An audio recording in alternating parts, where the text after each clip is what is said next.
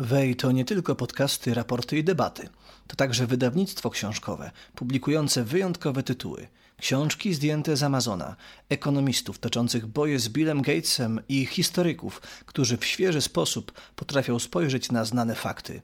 www.wydawnictwo.wej.org.pl Hello, Professor.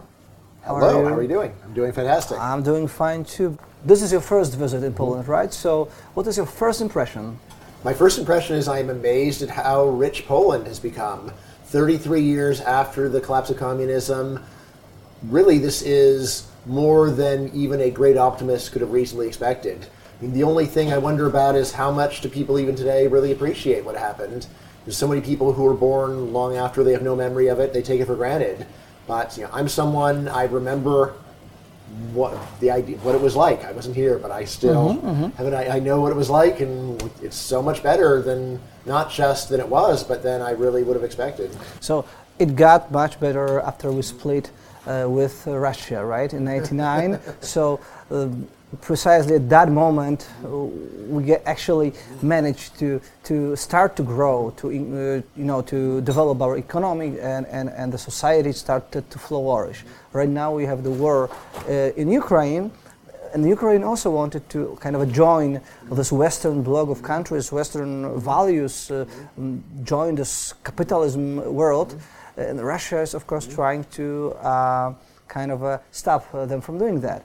And my first question is kind of related to war mm-hmm. and libertarians, mm-hmm. American mm-hmm. libertarians specifically, because uh, to my disappointment, mm-hmm. I read so many um, blog, Facebook posts mm-hmm. by very sometimes famous uh, mm-hmm. libertarian uh, academics in, in, in US and also regular libertarian people uh, saying that they have kind of an understanding for Putin not that they mm, support the invasion, but they see the point. Uh, he's trying to be as far away from NATO as it is possible, but NATO provoked him. And well, I was kind of uh, struck how people that uh, used that are used to you know uh, uh, defend freedom uh, have this great understanding for a guy that actually despises freedom, actively destroys it. Uh, how is that possible that libertarian, your fellow libertarians are doing that, thinking like that? There's a lot going on. One thing is people are just very worried about World War III. And if you're worried about World War III, you're trying to figure out how can we talk our way out of this. So I th- say that is the most reasonable concern is if you get people at a level of anger where you're like, like this guy is the worst person, he's like Hitler. If you get people that angry, then maybe you're going to actually pull the trigger on World War III and we're all going to die. So I think that is the most charitable story. In the back of people's minds, they really are worried that if you escalate too much, you will go over the edge. This has happened in the past. It's worth pointing out. So I think that's one thing going on. Another thing going on is that there are some libertarians, especially anyone influenced by Murray Rothbard, who really, if you were to, if you just honestly go over his intellectual life, you will see that he always took the side of the enemies of the United States every single time, no matter what. You know, he really did write an op-ed celebrating the fall of Saigon. Uh, so if you are going to celebrate that, then I would say it's not at all surprising that you would be saying, well, Putin has some reasonable points. You are well known for uh, trying to wear, uh, wear this economic glasses to look at various problems. Uh, do you think there is a way to look at the current situation from the economist perspective? In a way, I would say that's where you should always start, is by thinking about it in terms of the economics of the situation. Um, I would say, though, that economics without psychology is bad economics. You really do need to bring both of them together. Um, you know, like for example, I know a lot of economists who just say, look, you just need to have maximum deterrence and nothing bad will ever happen to you. It's like, it's not that simple. Sometimes having very strong deterrence makes enemies. I mean, just think about Putin right now. I think that there probably were people advising him in his own head saying, if I am strong enough, if I just show them that I will not accept no for an answer, they will give me everything I want. Yeah. And it's like, well, either that or you will make them hate you. and then you will make enemies that you did not have before. This really is you know, a lot of my answer to people who say that Russians have reasonable fears. Say, look, what they are doing is greatly increasing the danger to Russia because you are making so many enemies by doing this. I mean, indeed, I would say that you know, imagine another an alternate scenario where there really are a majority of people in Crimea that want to secede from Ukraine. If it had been done in a reasonable way, if it had not been done with with a military, a, sneak, a surprise military attack, if it had just been a normal, peaceful independence movement, then maybe uh, Crimea would be part of Russia today, and without any conflict, without any bloodshed, it would have just been like the Velvet Divorce of Czechoslovakia. Uh, but of course, that was not how Putin decided to do it. But to look at it uh, as the economist, shouldn't you um, shouldn't you uh, um, assume that the actors that you're talking about, so for example. Putin, uh, are rational? Because mm-hmm. right now some doubt it. Yeah. Some say, "Well, look at him, you know." his face. Mm-hmm. It reveals that he has some problems, maybe mental issues. So you mm-hmm. cannot really uh, treat him as uh, uh, as a normal person. So you, you, cannot really make predictions about his behavior, mm-hmm. um, and maybe that makes it impossible to look at it like economically. Mm-hmm. Right. So maybe but probably not. I mean, first of all, it's important to remember how weak the economist concept of rationality is. At minimum, it says you have to understand what somebody wants and then ask yourself, are they doing a reasonable thing given what it is they want? In the case here, my default for Putin has long been that what he does is not really about the safety of Russia or the long run benefit of Russia. It's about his domestic power. It's about keeping the population in a state of nationalist fervor and at least for his previous wars, I'll say this story fit very well. So, you know, like very small war with Georgia, and he gets a big popularity boost. He has seizes Crimea, and he actually goes from his lowest popularity yeah. to his highest popularity. Yes. This time, I am much more puzzled because it seems like he is going way beyond what he needs to do just to rally the domestic population. Uh, but even so, um, my inclination would be to say that you know, he's got some goals here. As to what they are, it's a little it's it's it's hard to understand whether the goal is just to completely replace the government of Ukraine and then put a Putin puppet on, on, on you know, in the government, or whether he just wants to you know, get the, uh, get his official demands released. I mean, I say that like the main thing that was very odd about it was that Putin did not issue any ultimatum before invading. Normally, before you invade a country, you say, I will invade you unless you do the following things. Even if the things are way beyond what you think they'll ever do, at least it makes it clear what the point is and what people have to do to get you to stop. And yet he didn't do that, which is odd on many levels, but still to go and say that he just, you know, there's no rational goal there at all seems to be you know, probably, yeah, yeah, too, too much. Again, like, you know, I would say that you I'm much more open to the idea of you know someone might have certain goals, but they may be confused about the true state of the world. Um, you know, of course, that's true for almost everybody. And I would say, really, to call a person irrational, you need to see not just they made a mistake, you need to see a strong pattern of mistakes. I'd say, you know, if you look at Putin's career, he's actually has a strong pattern of not making mistakes. A successful yeah. leader. Yes, yes, successful leader. Yes, yes, yeah. So, like, right? I think he, like he has shown a clarity about you know for for a long time in terms of what actually matters to him. Uh, you know, so you know, if someone gets old and they make a mistake, even then I would say, oh, like everybody makes you know, like, like you know, he can be evil and yet clever. Right. Very, and, and yet you can be evil, clever overall, and yet also screw up once. And it can be the screw up that destroys your entire life. You know, betting markets say Putin has a 20% chance of being out of power this year. And I'd say that if that happens, it's you know, it's not that he just sorry I resigned. Probably he's dead. Doesn't work like that, of course. But uh, you know, one thing is Putin, the other thing is Russian society, and this is also a puzzle to me. Uh, Russians uh, are not very rich compared to mm-hmm. Western Europeans. Mm-hmm and the level of growth uh, was also not very satisfying uh, mm-hmm. during the last decades. Mm-hmm and uh, also they had mm, traveled around the world. They saw uh, they mm, how people live in other countries so they had this comparison. They were not closed as uh, chinese. They had internet uh, at least before the war free internet access to facebook everything. So they had also this mm, sources of objective, say, objective information on, on the world.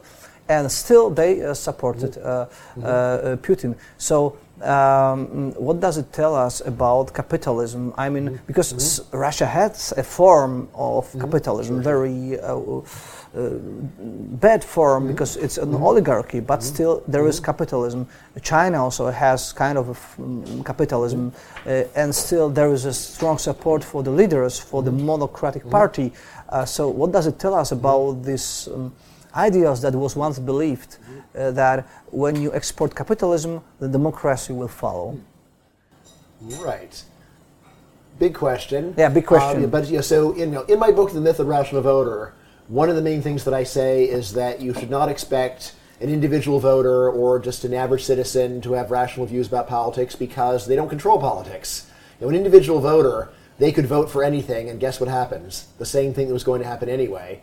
So in general, I think of politics as an area where people's views tend to be irrational. A leader is a different story because if you're really wrong as a leader, that can get you killed. But for an individual, I think that their views are very emotional, very remotely tied to objective facts. In terms of your question about why is it that Russians, when they traveled around the world, were not much more skeptical or hostile to their own country? I mean, I would say that you, that's one where it's not as you know, not as crazy as it seems because Russians, on the one hand, they can go to Western Europe and say that, see that things are better. They can also look around at all of their neighbors in the east and south and see that things are much worse. They could look at you know, Belarus, see things are much poorer. Ukraine, much poorer than Russia. Yeah. So, I mean, if you just think about Ukraine, well, that's what Russia would be like if only it would, it would be more oriented towards the West. I think Russians could go there and say, that doesn't look very good to me. Um, and then, of course, if you look at the stans, then you know, Russia's looking better than those. So I mean, I think that's part of why when they would look around, it, you know, I think they would look and see their country as sort of a middle mm-hmm. country mm-hmm. rather than a complete basket case. Uh, so that's part of why I think that mere travel did not totally destroy their view of it. But you know, like, like in politics, so much of it is about symbolism. It's about you know, it's about nationalism. It's about ideology.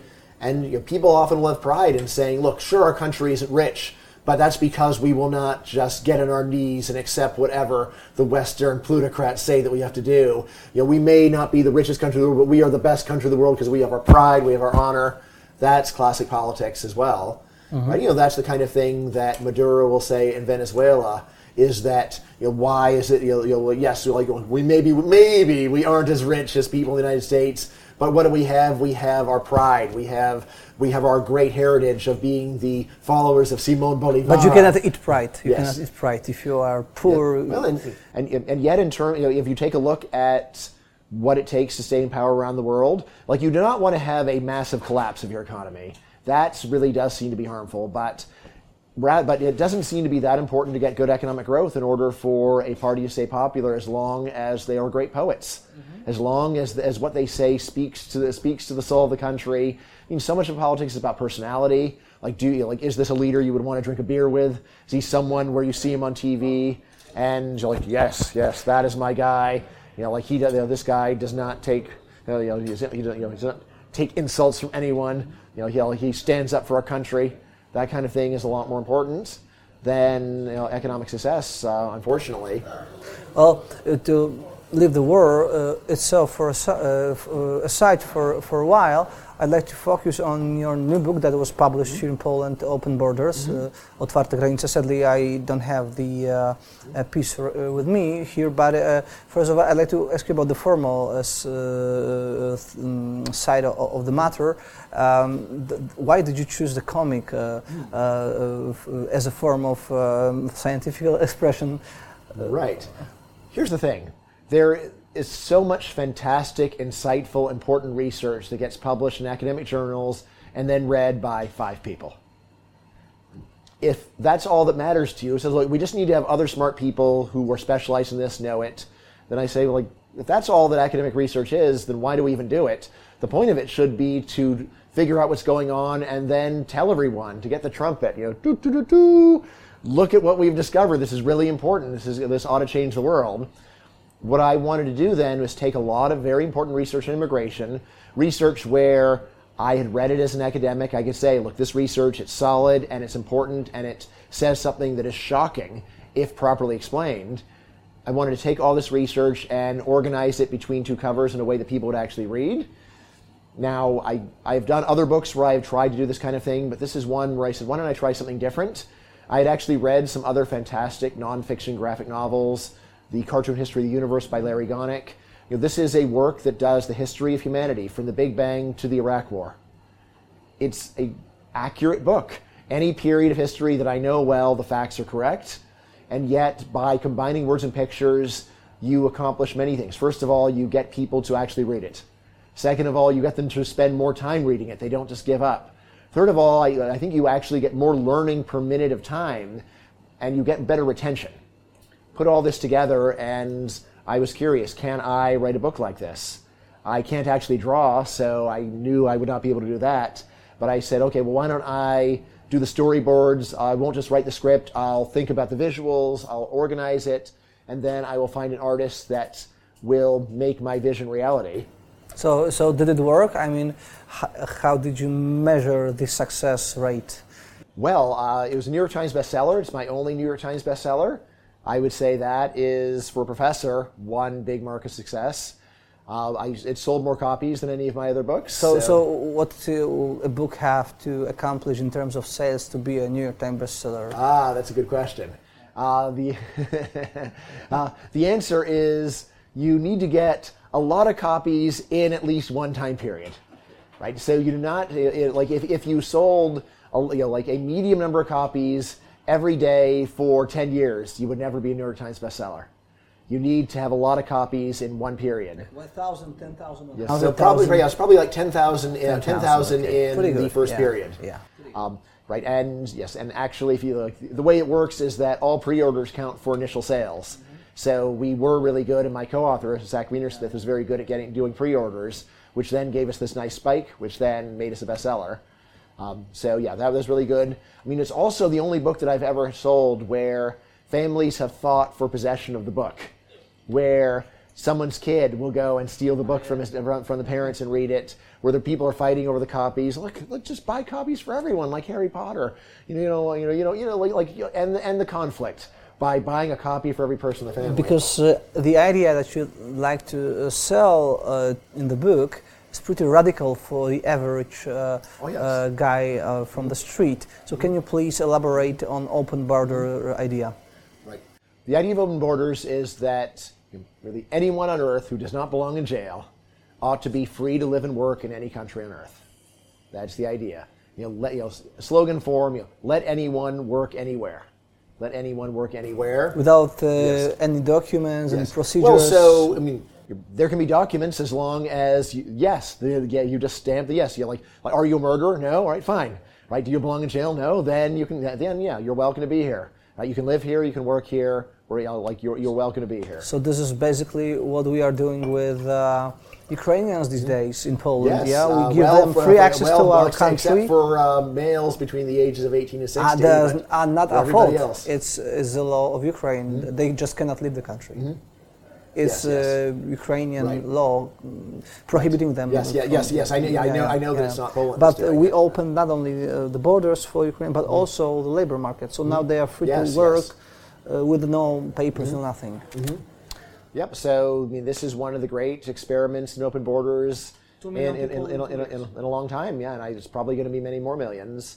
I mean, it's going to, it's complicated by the fact that you have you know so many of them are children and Yeah. moms of young kids who are not likely to be working, right? And again, if you read the book, you know a lot of what I talk about is the economic effects, which are going to be honestly different for this group because the demographics are different.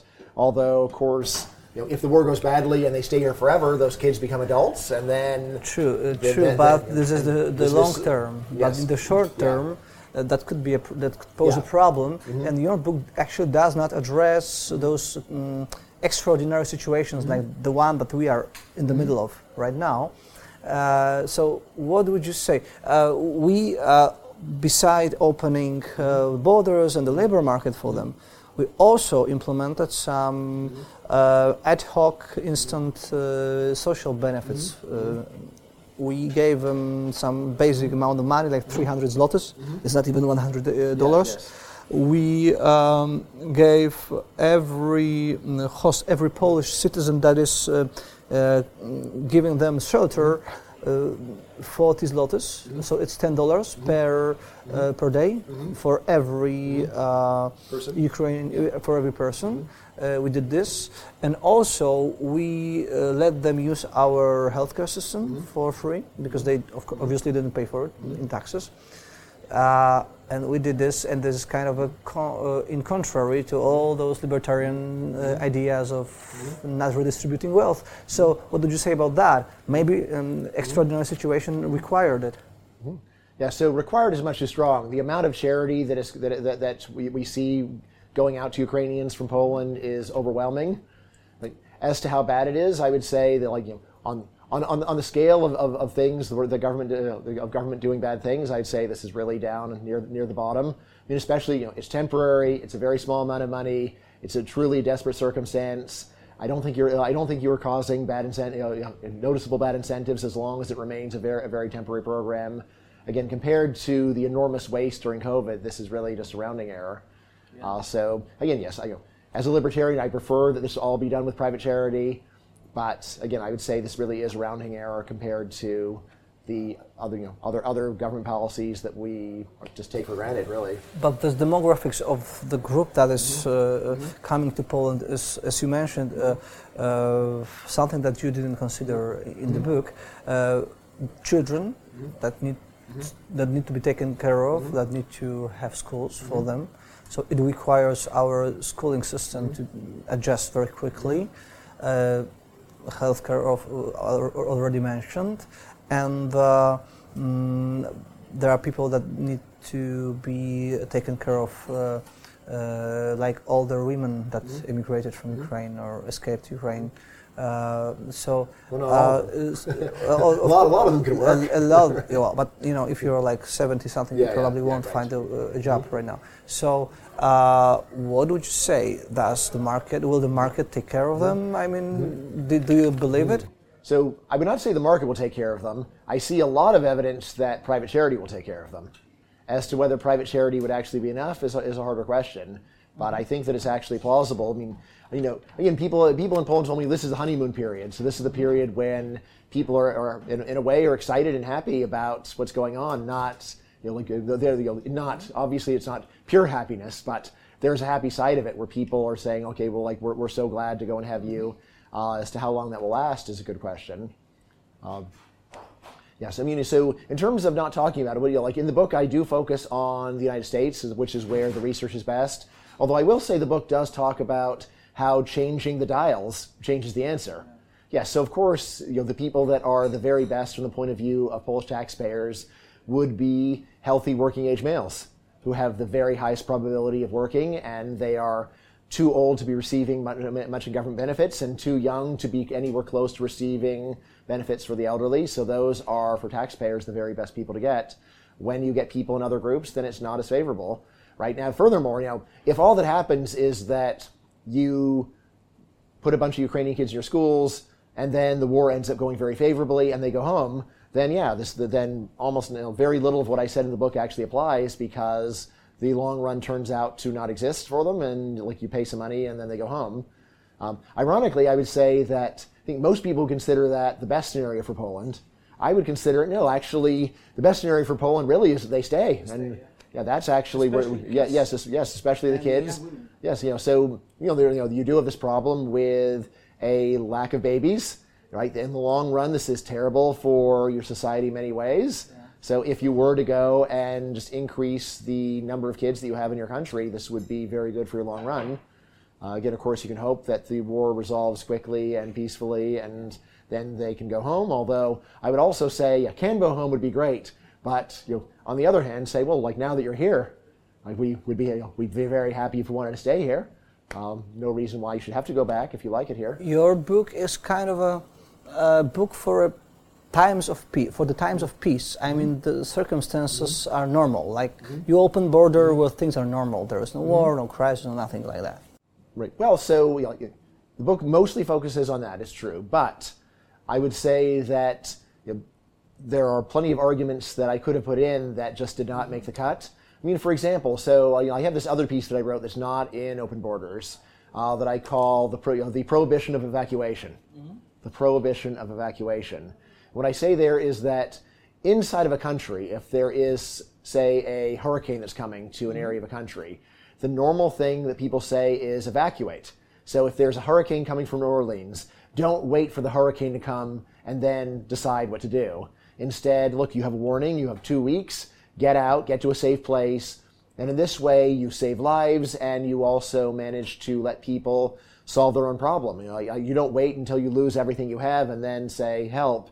Instead, you go and you pack up your pack up your belongings and take your car and you leave and get out of the way of the hurricane.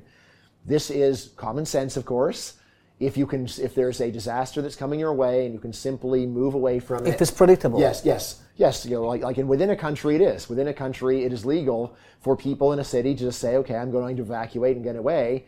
And then I say, but when there are international disasters, when there's a country that is falling into civil war, this is where it is generally very hard for people in that country to get out. Country, uh, other countries that they might like to leave leave to will say, well, like it's not really a crisis yet. Let's just wait and see. We'll find out. Maybe it won't be so bad.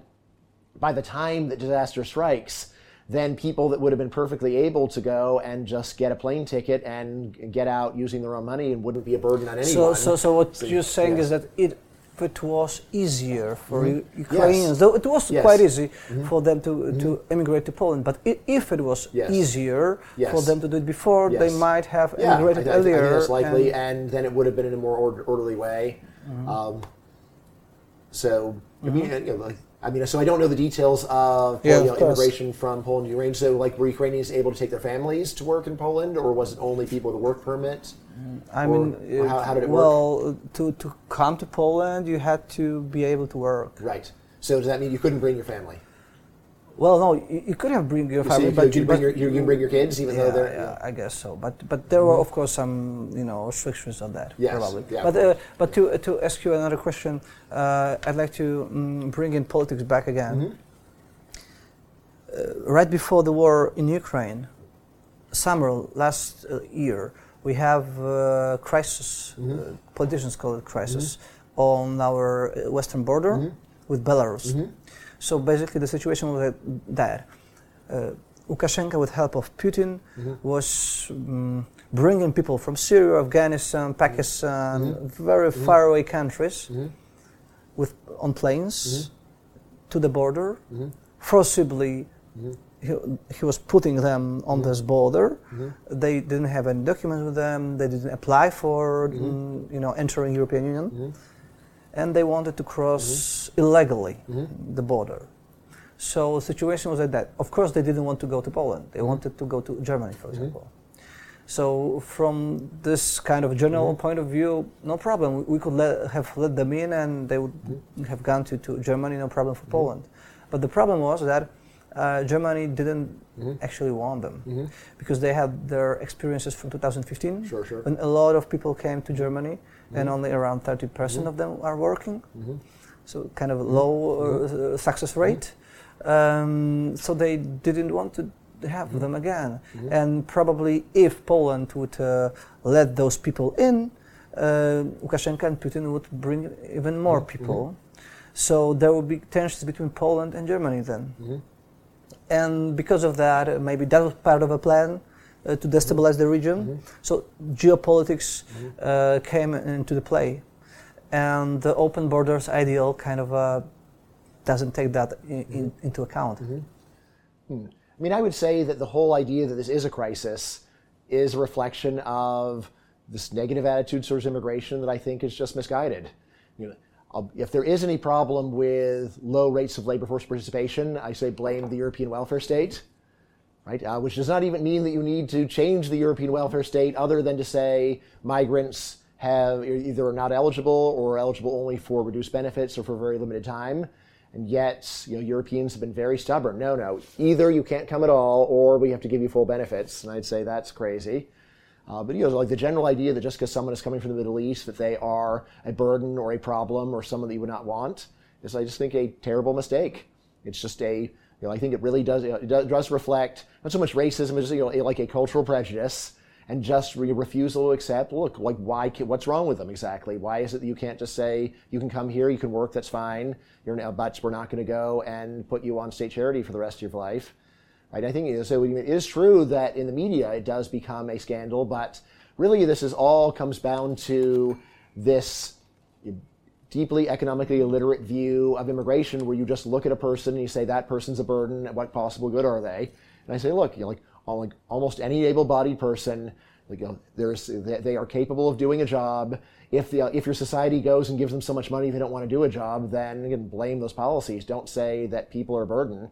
Right? So you know, like, you know, the right the right way of thinking about almost you know, any able-bodied person is this is a person that can contribute to the society. They don't have to be Albert Einstein. They but, can, you know, but, they but can work somewhere, and why not? In the bu- in the book, uh, you actually talked about it a bit, a bit uh, because you mentioned this Milton Friedman thesis mm-hmm. that. Mm-hmm. You cannot have open borders yes. and welfare state. Yes. Actually, you, you are mm-hmm. saying in the book, oh, well, you can because in U.S. Uh, mm-hmm. we could have we, we mm-hmm. could have that mm-hmm. thing. Uh, well, European experience probably mm-hmm. could be a counter argument mm-hmm. to your thesis because uh, the social state is so mm-hmm. welfare state is so strong, so mm-hmm. generous mm-hmm. that those incentives to mm-hmm. come here only for welfare are much stronger probably than in the U.S. So maybe Milton Friedman wasn't right in the context of U.S., but what about the context of uh, European welfare states? So I would say one of the greatest misconceptions that both Americans and Europeans have is that their societies are diametrically opposite. They are not. The U.S. welfare state is actually very large. Like during COVID, a low-skilled worker that lost their job would be getting about forty thousand dollars per year. To you know, like two hundred thousand. Yeah, the real income yes, went yeah. up. yes, yes, real income. went Two hundred thousand. Is what? Yeah. Is what? Is what? Is what? Is what? Two hundred like two hundred thousand zloty per year to do nothing right? So, like you know, it, you know, that was an exceptional event, and U.S. benefits did go crazy during this time, right? And on the other hand, if you compare them to the benefits you get in Poland, I'm almost sure that they are much less than that. So that's the first step: is just to realize that the difference between the U.S. and Europe, though it does exist, it is mm-hmm. just more marginal than people in either area actually realize. Now, again, the original Milton Friedman statement is you just cannot simultaneously have free migration in a welfare state, and that's definitely wrong. It's just a question of you know, how do the numbers actually work out. This is one where I would say that almost everyone with an opinion on this has never done the math. Right? Uh, people basically answer this question, which is a mathematical one, doing via wishful thinking. If you like immigrants, then you say, "Oh, I think it's all great." If you don't like immigrants, you say, "Ah, it's terrible." Right? And then the, you know something that is almost as bad is just watching the news and saying, "Well, the people, the journalists are saying this hasn't worked out." So like what do you think journalists are going to say? Do journalists ever go on the news and say everything is wonderful? Of course not. So you know, my view is that you know, immigration for uh, for Europe has been you know, has been a, a less fiscally positive from the U.S. Uh, for some countries like Norway, probably it is a fiscal negative because so much of their budget is based on oil. Uh, for countries like Germany, I think that it's actually a lot less clear. Uh, I have not gone over the German numbers myself, but I would just say keep an open mind when you look at those numbers. And again, don't use wishful thinking and definitely don't use the media. Look, the media is fine at pointing a camera at something and saying, here's some refugees in a train station. The media really has no training at all in saying, what are the, ma- what are the mathematics of the long run net fiscal effect of immigration? Instead, what you like, it's based upon, well, people are angry, right? And how do you know they're angry? Well, we went and put some angry people in the news. I mean, even that is you know, like you know, you know, far inferior to just doing public opinion polling, which you know sometimes the news will cover. But it's much more dramatic just to have an angry demonstration than to go and actually even look at public opinion. I do agree that public opinion in Germany turned against immigration. Uh, you know, again, what I would say is, if you know my first book, The Myth of the Rational Voter, I just have I think that public opinion is so wrong, so reliably that the fact that most people in a country don't like something to me really counts for almost nothing. So basically, what you say is that uh, those negative opinions on the migrants uh, mm-hmm. living off the welfare are mm-hmm. stero- uh, just mm-hmm. stereotypes. Or? So I would say, you know, not just stereotypes. Uh, so I think, or let me put it this way: you know, you know, almost all stereotypes have a kernel of truth. They are they, they, they are flawed statistical generalizations. So yeah, I think it is true. So as far as I know, it is true, especially that Middle Eastern or North African migrants to uh, you know, to Europe have lower labor force participation rates than natives. Uh, of course, there are some adjustments you need to make, such as refugees generally have lower, lower labor force participation rates. So you really want to wait some time and see whether there is convergence up to, or see just how much convergence that there is. Uh, but I, would say really, the, like, like people's reaction normally say, look, they have low labor force participation rates, therefore we should never let any, any people from this country in here again. I say, that is just completely the wrong reaction say, look, if any time that there is something that you see that is genuinely a problem for a problem uh, in, in, the behavior of migrants, say, look, is there some cheaper and more humane way of dealing with this problem? And for the problem of low labor force participation, I say, obviously, certainly there is. And this is to say, look, there's going to be reduced benefits, there's going to be time limits. They're like we're, we are not going to go and treat migrants the same as natives, right? And we yes, we do expect you to go and get a job. And yes, we understand that it's not going to be the best job in the world, but that is how you start out in this economy is you start off with a job that's not your favorite job, mm-hmm. you learn the language, and then you rise. And that's, uh, you know, that's how things work here. This is not a society where you can just be on welfare for the rest of your life. Because when the immigrants are treated the mm-hmm. same way in terms of uh, mm-hmm. social benefits, mm-hmm. it creates kind of a mm-hmm. uh, perception among mm-hmm. local people yeah. that uh, they are subsidizing them. We yes were mm-hmm. born here. Mm-hmm. We pay taxes mm-hmm. since we mm-hmm. started working here, and now mm-hmm. they come here and they mm-hmm. take uh, uh, benefits f- uh, from our government. Yeah. It's uh, unfair. Yeah, so I mean, I think there is also a strong dose of xenophobia there. Where people just not get angry at a native-born person who never works in the same way they get angry at a migrant who never works. Right? And honestly, I will say, in a way, I am angry about migrants who don't work too, because look, you are making the case harder you're making you're, you're making a lot of people that aren't here look bad, and you're making it harder for them. I mean, really, what you want to do as a migrant is to always present a positive face, so that you know, like you know, to go and pave the way for other people. Um, so, so I mean, like it, you know, like it, it is unfortunate, but you know, it is one where when people say, "Oh, well, what choice do we have but to keep them out?" Here's a choice: you know, limit the benefits they get so that they work right? Although you know, also by the way, by the way, like you know, there's another very important reason why refugees often don't work, and that is that unlike Ukrainians in Poland now, often there is a legal limit on their work. You might say you can't work for a year or two years or three years. You know, it is absurd to complain about migrants not working if your laws say it is illegal to work. Right? And you know, so if that is your concern, step one is get rid of the laws, and then at least you can see is it really true that they don't want to work, or maybe it's just that they are afraid to work because it is illegal and they don't want to work illegally. They're worried they'll get deported for working illegally. So always remember that too. Uh, one of the great uh, successes uh, of uh, the way Poland is dealing with the uh, current wave of uh, refugees is that we do not have refugee camps. Mm. And that was kind of a pr- common practice mm-hmm. for countries welcoming refugees. They put mm-hmm. them into refugee camps mm-hmm. and they kept them for a very long period of time, subsidizing those camps, mm-hmm. but also creating uh, a, a, high rate of um, criminal violence, mm-hmm. uh, poverty, mm-hmm. and so on. So uh, maybe yes. yeah, and, isol- and, isolation, right? Isolation. Like, like, one important thing to do when you show up a new country is start learning about that country and learn the language and make friends friends and get connections. Assimilate as fast as yes. possible, right? Yeah, that's you know, mm-hmm. you know, this is what almost every immigrant parent wants for their kid. I want you to learn the language. I want you to like this is our country now. I want you to do well here. I want you to succeed here. Yes, yeah. I mean, although you know, like it's important to realize that you know, especially for an adult, the place that is most likely to lead to assimilation is a job.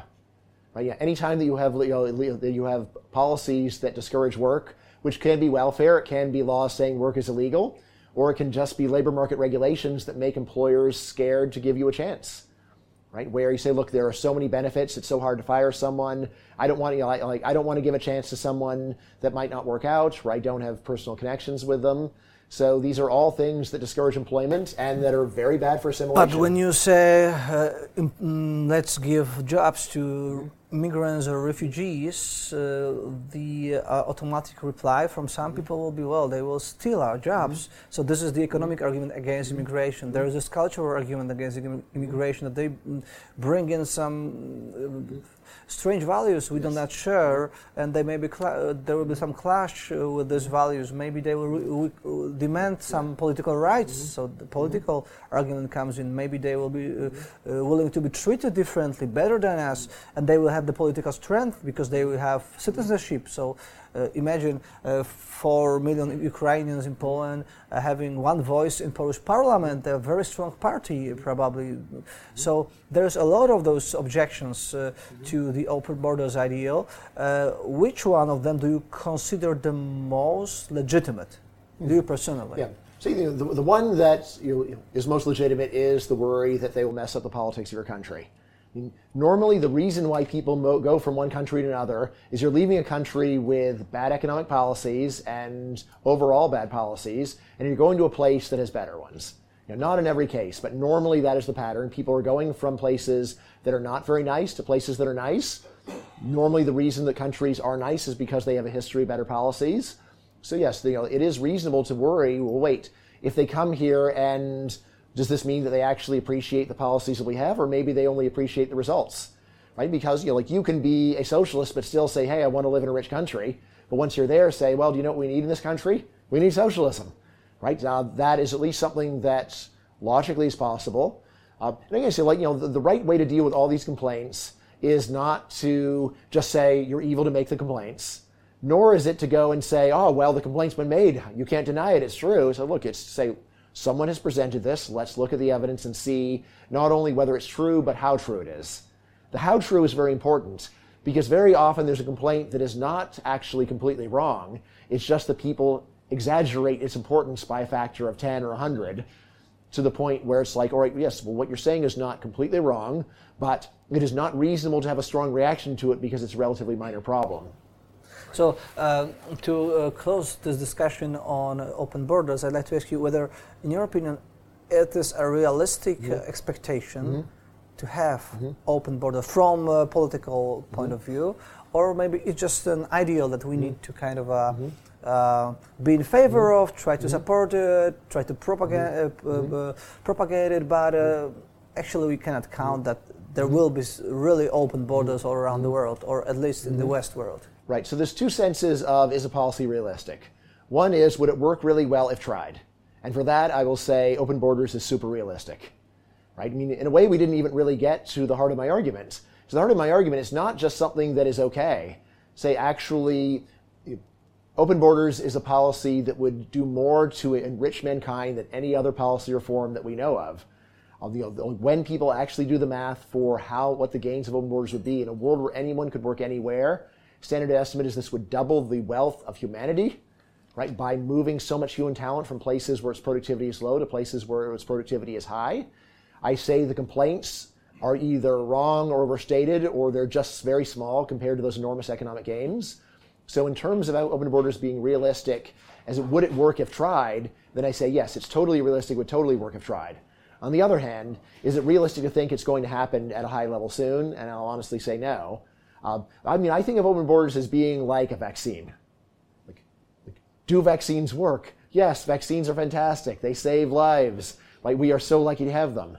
Does this mean that everyone's going to take the vaccine? No, because people are very stubborn, and there's a lot of pseudoscience going around, and there's and there's a numeracy where people say, well, there's a one in a million risk of, of a bad side effect. Yeah, but there's like a one in twenty chance of, of something really bad happening if you get the disease. So, like, obviously, this is a good gamble and yet these arguments are not convincing to a large percentage of the world. But to, to go back to open borders, uh, um, if you were given the power to mm. open the border of U.S., mm. but also everybody will know that this is Bryan Caplan opening the borders. Mm-hmm. Would you use this power? Yes, definitely. This is actually the kind of thing we talk over my dinner table. My kids will often ask me questions like, like, would you do this? And I'll often say, well, like, do people know that I did it? Is know, like, like if you could press a button and kill Kim, Kim Jong Un, would you do it? And like, would people know? And that's one where it's like, well, if they wouldn't know, then yeah, because like I'm, I'm worried about retaliation, right? But anyway, this is one where like um, I would, you know, I would totally stand behind the results. Uh, yes, obviously, I would become a target, and someone might try to murder me for it. So I'd be a little worried there. At the same time, I am strongly enough convinced of the amazing effects of this policy that I would say, like, I'm going to stand by this. Uh, you know, I might have, I, would probably hire a bodyguard. It's true, yeah. or maybe quite a few bodyguards actually, because yeah, it is the kind of thing that people would be so angry about. But yeah, if I could just press a button and make the policy happen, I'm convinced enough it would be a fantastic policy that yes, I would totally do it. Um, okay, I, I'd like to also talk about uh, kind of a related issue um, to immigration, so demography. Uh, we in Poland, as you already mentioned, mm-hmm. uh, have this problem with mm-hmm. low fertility rate. Mm-hmm. Actually, every country on earth has mm-hmm. this problem. Mm-hmm. Uh, maybe with every, every, every rich country, every rich country except Israel, except Israel. Israel. Uh, of, of, course, three point one, I guess, there yes. is this fertility rate yeah. Uh, right now, um, and. Mm, you wrote a book mm-hmm. that we are, as Warsaw Enterprise. Institute, uh, about to publish in Polish soon. Uh, we already translated mm, probably. Um, so we are publishing it in. Uh, you, are okay. So this um, year, the other Poles that I so you're yeah, so uh, selfish reasons to have more kids is yeah, being yeah. translated into Polish. Yeah, yeah, yeah. That's great because the other Poles that I talked to kept saying, "Oh, it's too bad we haven't done it." So now I can tell them it's our, it's going to happen. Yeah, it's, it's yes. actually being proceeded right now. Fantastic. So. Uh, uh, but you focus on when you propose a solution mm-hmm. for having mm-hmm. more kids. Mm-hmm. So this is kind of a, mm-hmm. very original point of view because you mm-hmm. say, well, relax. Mm-hmm. You, you, are too mm-hmm. stressed about this parenting mm-hmm. thing. You just uh, mm-hmm. think that this is kind of a um, 24 hours a day mm-hmm. duty, mm-hmm. uh, stressful, you know, work all the time around those kids. You know, that you say, oh, chill, chill, relax. You just don't give uh, so much, uh, so much attention to those kids. They will, uh, they, they, will be good. Uh, but um, on the other hand, you say, you know why? Because genetic factor applies. So. Oh yeah they are determined to some degree. Um, uh, so it's uh, to me it's both uh, positive uh, idea and negative mm-hmm. because there is kind of a uh, uh, this grain of that we are predetermined mm-hmm. to some kind of achievements, some level of achievements in our lives, and our parents cannot really do much about that. Mm-hmm. So yeah, so this is this is uh, what I get from your book. Uh, the, the, the main message is it the correct reading of your book? Uh, yes, I mean I would say that part of what I wanted to do in, in, the book is just to summarize the evidence on what we learn from adoption studies and twin studies about why children resemble their parents. There is this very strong result that people greatly underestimate the power of genetics and overestimate the power of nurture, and then the emotional reaction to that um, it varies. Yes, you're right. Some you know, I've heard that people hear my talk and then they cry afterwards. And I'm like, I wasn't trying to make anyone cry. He goes, look, look, you know, I say the right way to think about it is this: you're going to get the kids that you know, you can get the kids that you want, the kids that you expect to get, with much less effort on your part, right? And you know, and in particular, like you know, the part of the parts of parenting that you don't want to do, that you think that you're doing as a sacrifice for your kids' well-being, that stuff really doesn't pay off. Which means that you can actually give yourself a break guilt free, a guilt free break. Because it's not like when you say, okay, I don't want to go and take my kids to soccer practice, you are dooming them to a negative future.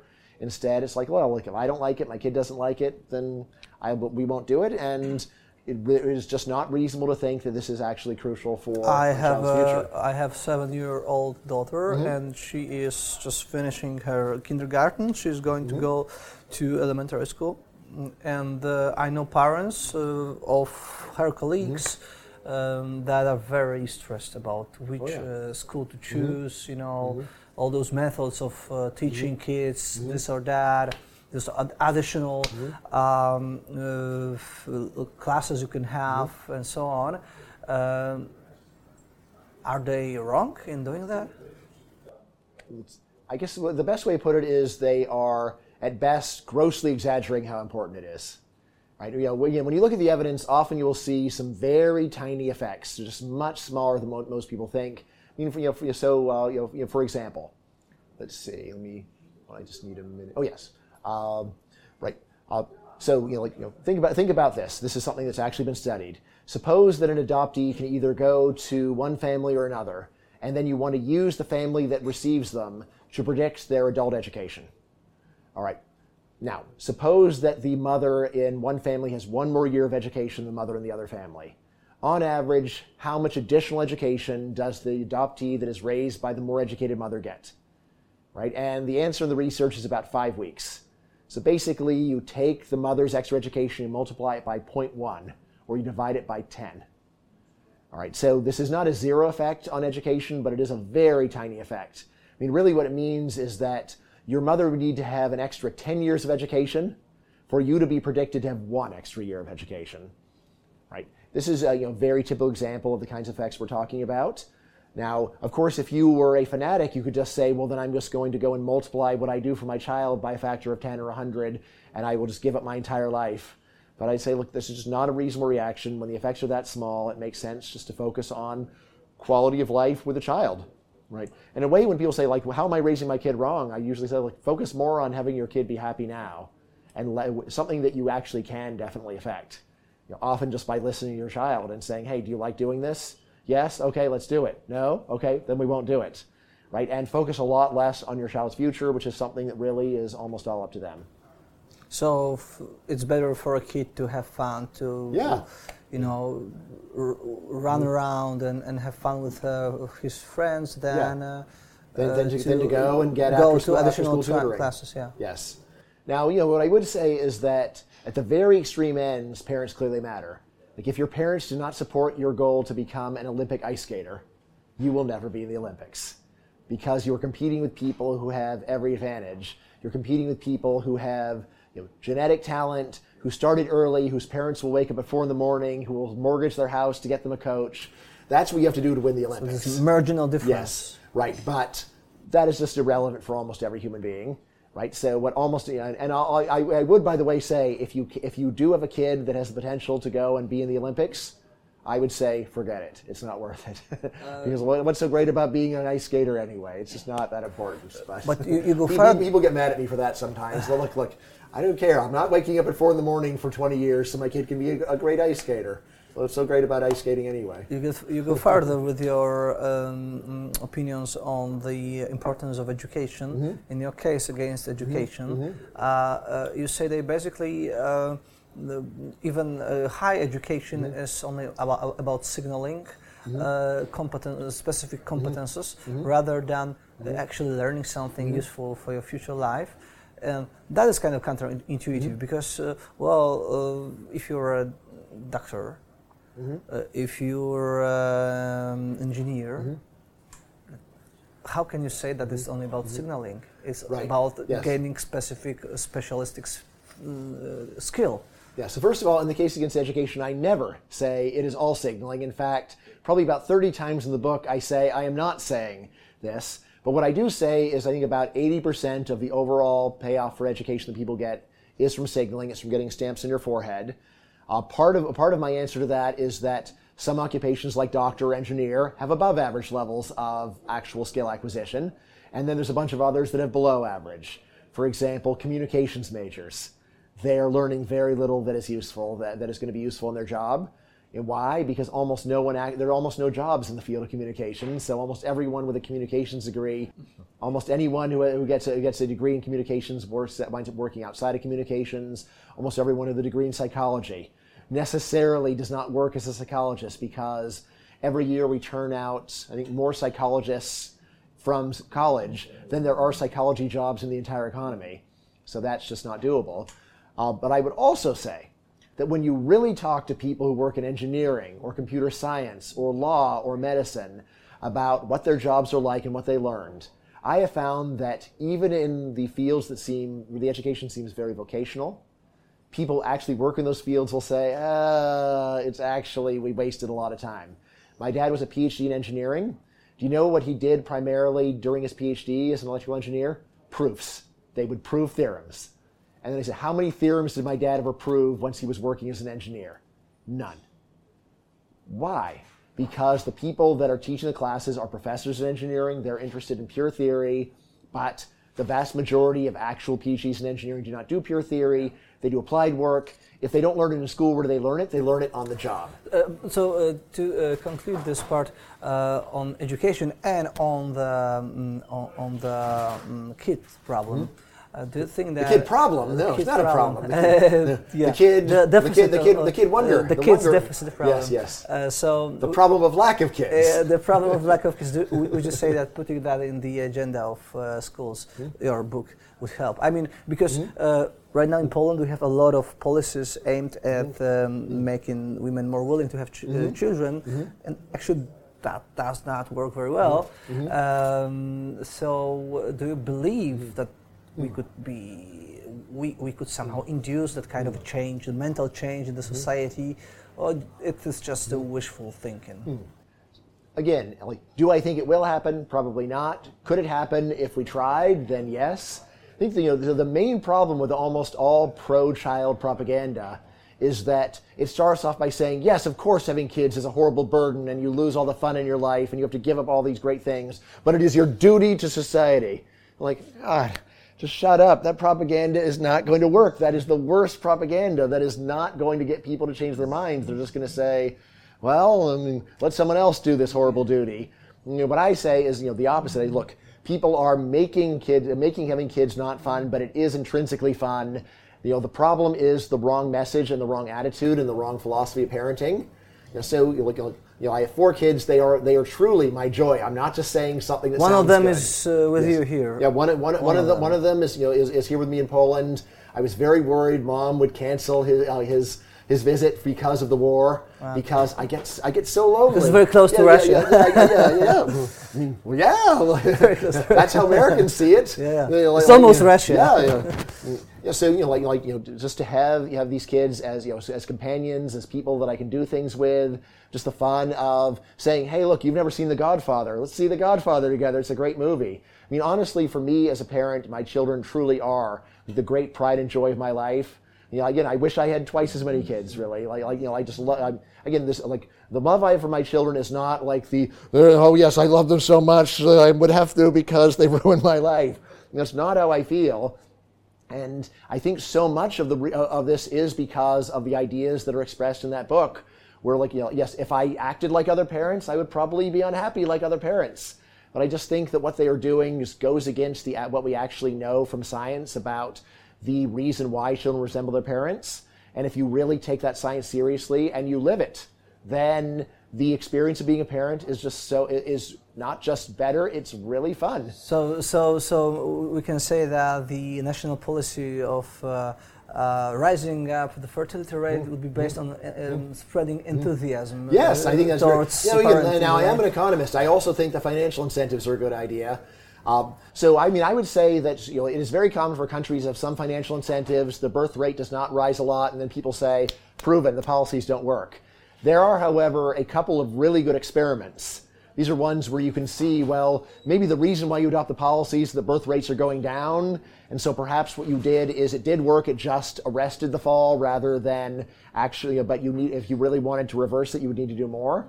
Um, my personal number one preference for the best government policy here would be to say that uh, whenever you have a child, there is a very large tax credit in the year that child is born. Right? And basically say, look, we will cancel up to say $50,000 worth of taxes in the year that child is born, or maybe you can spread it out over a couple of years, right? Which you know, does two things. So first of all, you know, it, yes, you know, it's, you know, it's large. Second of all, it's immediate, which handles two problems. One is people that you know, just say, look, it's just hard to borrow against the immediate financial burden. But the other one is just by making it so vivid, so shocking. It's like, well, I don't pay any taxes at all. And then the other thing is that it does concentrate the incentives on people who are statistically likely to have kids that will grow up to pay taxes. Yeah. So I think that there, there's that as well. But again, and, and also it's you know, now this is one where I have a piece that I published well, on Cato Unbound where I said, look, if we go and take the quantitative estimates that scholars have found for the effects here, and we snap them all together. You know, I have to get some estimates from some research, some estimates from other research. I put it all together. Say, this is actually a tax cut that will more than pay for itself. This is the holy grail of tax cuts. It is the tax cut that actually raises money in the long run. Not, of course, in the year where you cut the taxes, but the effect on fertility is so large. And especially since you are focusing on people that are very likely to grow up to be taxpayers, that it really is actually a, a better than free lunch. Thank you very much, Professor. Okay. Thank you very much. Fantastic talking to you. Thank you.